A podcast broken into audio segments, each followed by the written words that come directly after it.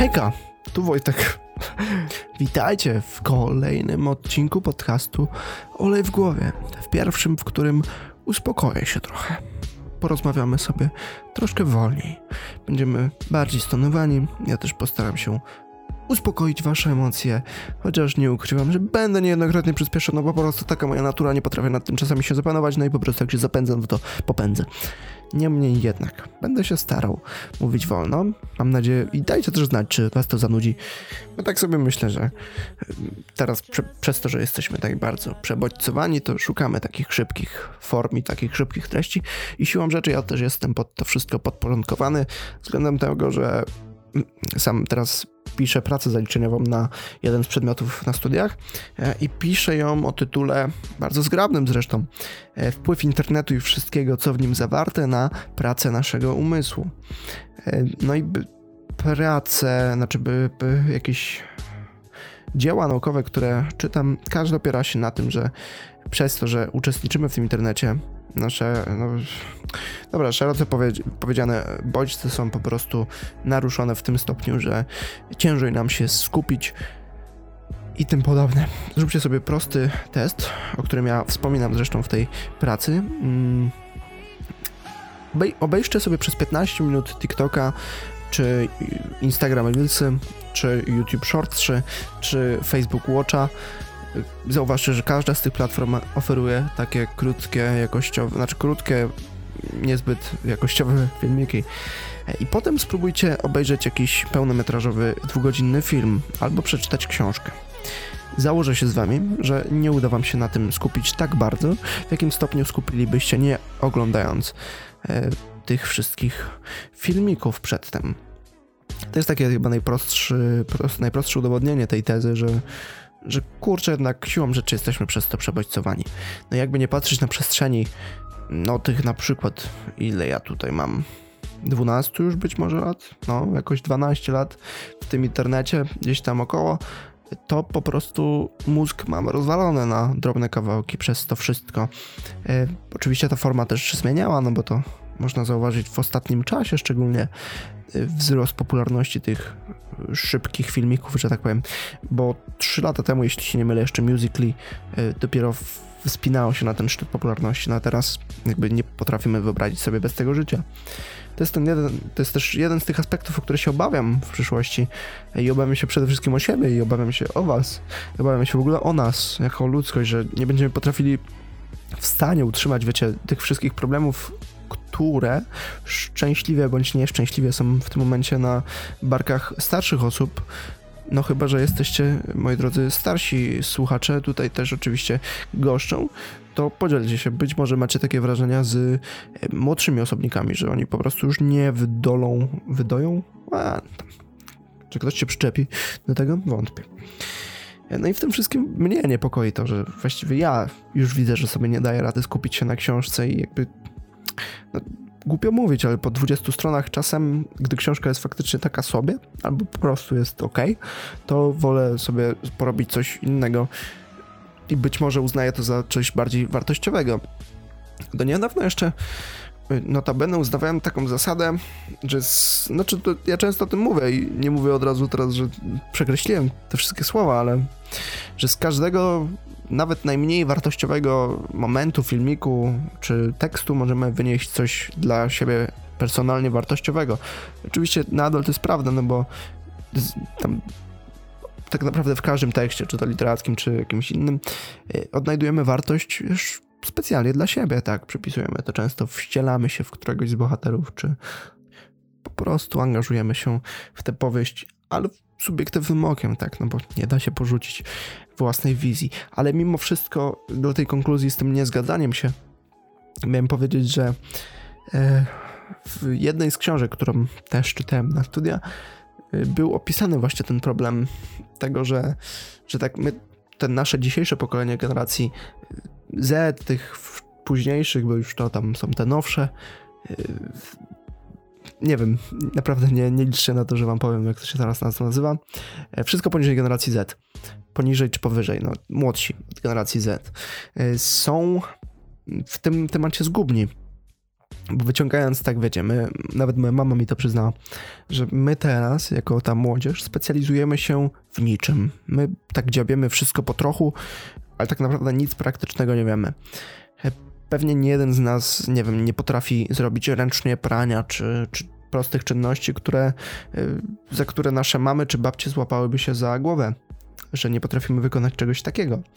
No i to może taki prymitywny przykład, bo, bo myślę w głowie o czymś bardziej yy, rozwiniętym, ale nie tak łatwo przekazać to na, na mikrofon. no.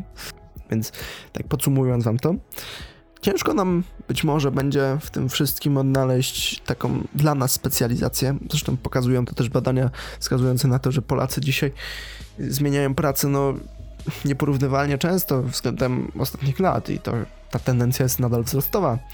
Więc niepokoję się o to. I sam też na przykład nie jestem w stanie przewidzieć siebie w jednym tylko zawodzie. Ja bym chciał sprawdzać, wiecie, skakać, może nie z kwiatka na kwiatek, ale mm, z wyrośniętego drzewa na wyrośnie, na zasadzone dopiero drzewa, wiecie, żeby żeby opuszczać już jakby statek, w którym zrobiłem 100%, e, które mogłem zrobić, a potem przeskakiwać na coś, co dopiero wzrasta i rośnie i się rozwija i ma do tego okazję. Ciekawe, bo ja już tutaj dwie rzeczy, o których powiedziałem, oparłem na zasadzie tego, co usłyszałem, czy, czy no być może dowiedziałem się na studiach. To ciekawe. Jestem ciekawy swojej osoby, jak będzie wyglądała za przykładowe 3 lata, gdy no, planowo kończę licencjat, tak? Jak, jak to się zmieni i czy to faktycznie się zmieni? Na pewno się zmieniamy, na lepsze czy na gorsze. To już inna bajka, natomiast zmieniamy się na pewno i jestem ciekawy tej zmiany. Tak naprawdę, jak się z kimś długo nie widzicie, to często padają takie określenia, ale ty się zmieniłeś, albo a, ty się nic nie zmieniłeś. No i oba teoretycznie są pozytywne, bo jak się mówi, a ty się nic nie zmieniłeś, no to znaczy, że byłeś super, jesteś super dalej.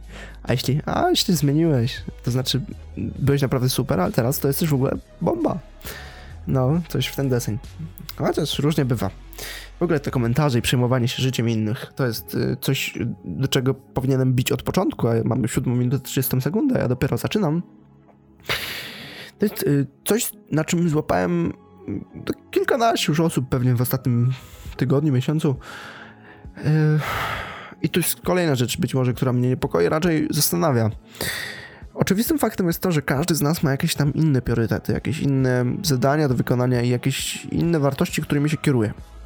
To tak dogłębnie mówiąc, wprowadzając was w ten temat. Ale wyznacie siebie najlepiej, tak? Wiecie, co wam jakby, czym się kierujecie w tym momencie, nie?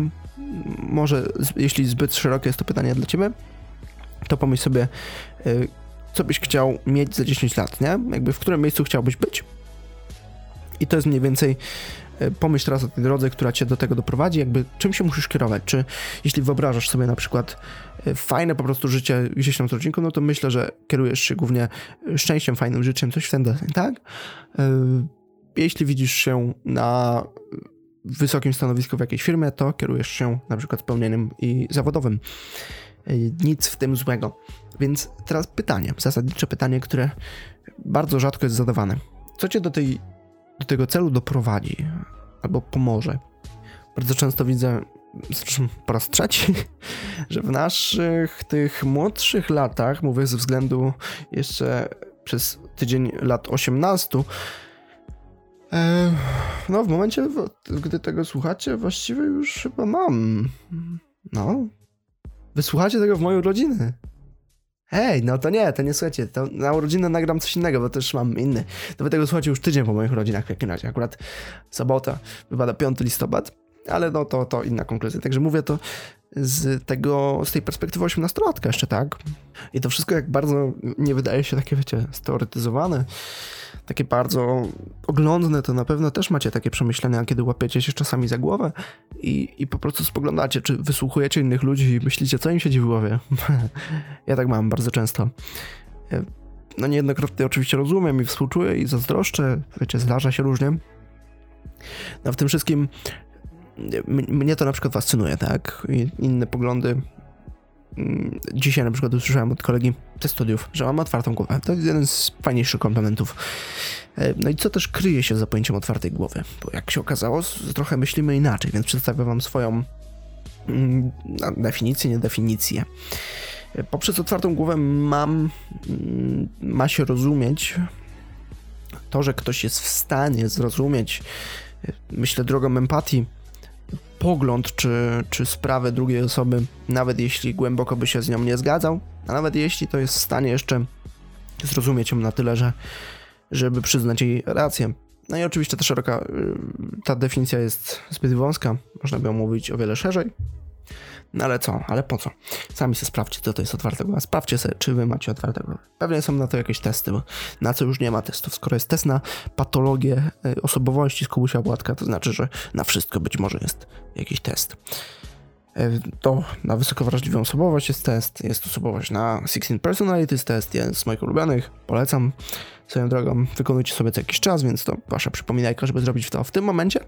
I wracając może do tego, co przed chwilą więc fascynujące jest to, że każdy myśli inaczej, ma tą inną drogę, ale łapie się za głowę w momentach, w których y, słyszę coś z mojej subiektywnej strony niedorzecznego, coś, co, co nie zgadza się na przykład ze mną, choć rozumiem, jestem w stanie zrozumieć, że, że ktoś może się pogubił, ktoś być może szuka tej drogi, albo ktoś być może po prostu kieruje się inną drogą niż ja i to jest całkowicie normalne i fajne i, i zrozumiałe. No ale myślę, że podświadomie gdzieś tam zawsze staram się to, no, znaczy nie podświadomie, e, nieświadomie może nawet, próbuję to odnosić do swojego życia, nie? Jednak jakby nie patrzeć, wysłuchujemy każdej osoby, z którą mamy przyjemność rozmawiać przez y, wzgląd na naszego życia, tak? No bo nie, nie jesteśmy w stanie jakby wgłębić się w jej życie. Oczywiście słuchamy, jakby wczuwamy się, ale jednak później odnosząc się, to odnosimy się bardzo często zresztą do swojego życia. Mam nadzieję, że zrozumieliście. A zresztą co to za nadzieja ty? O, życie nadzieją na przykład. Po co? Żyjcie działaniami bardziej, nie? Realizujcie, spełniajcie się, róbcie to, co przybliży was do tego celu. Właściwie nie mam nadziei, że zrozumiecie cokolwiek z tej gadki mojej, no bo to jednak po prostu ma być może, o, odwodzić wam głowy. No i myślę, że to jest coś, czy co, tak, tak, tak ma działać ten podcast, moi drodzy. Bardzo się cieszę, że dotrwaliście do 12 minuty.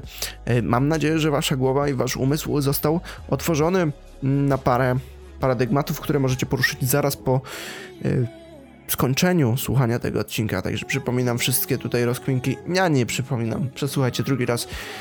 Przyda się. E, przepraszam za moje gawędzenie. Chyba mówiłem jednak trochę za szybko. Ale Mam nadzieję, że Wam to nie przeszkadza. Wszystkiego dobrego Wam życzę. Trzymajcie się ciepło. Bye!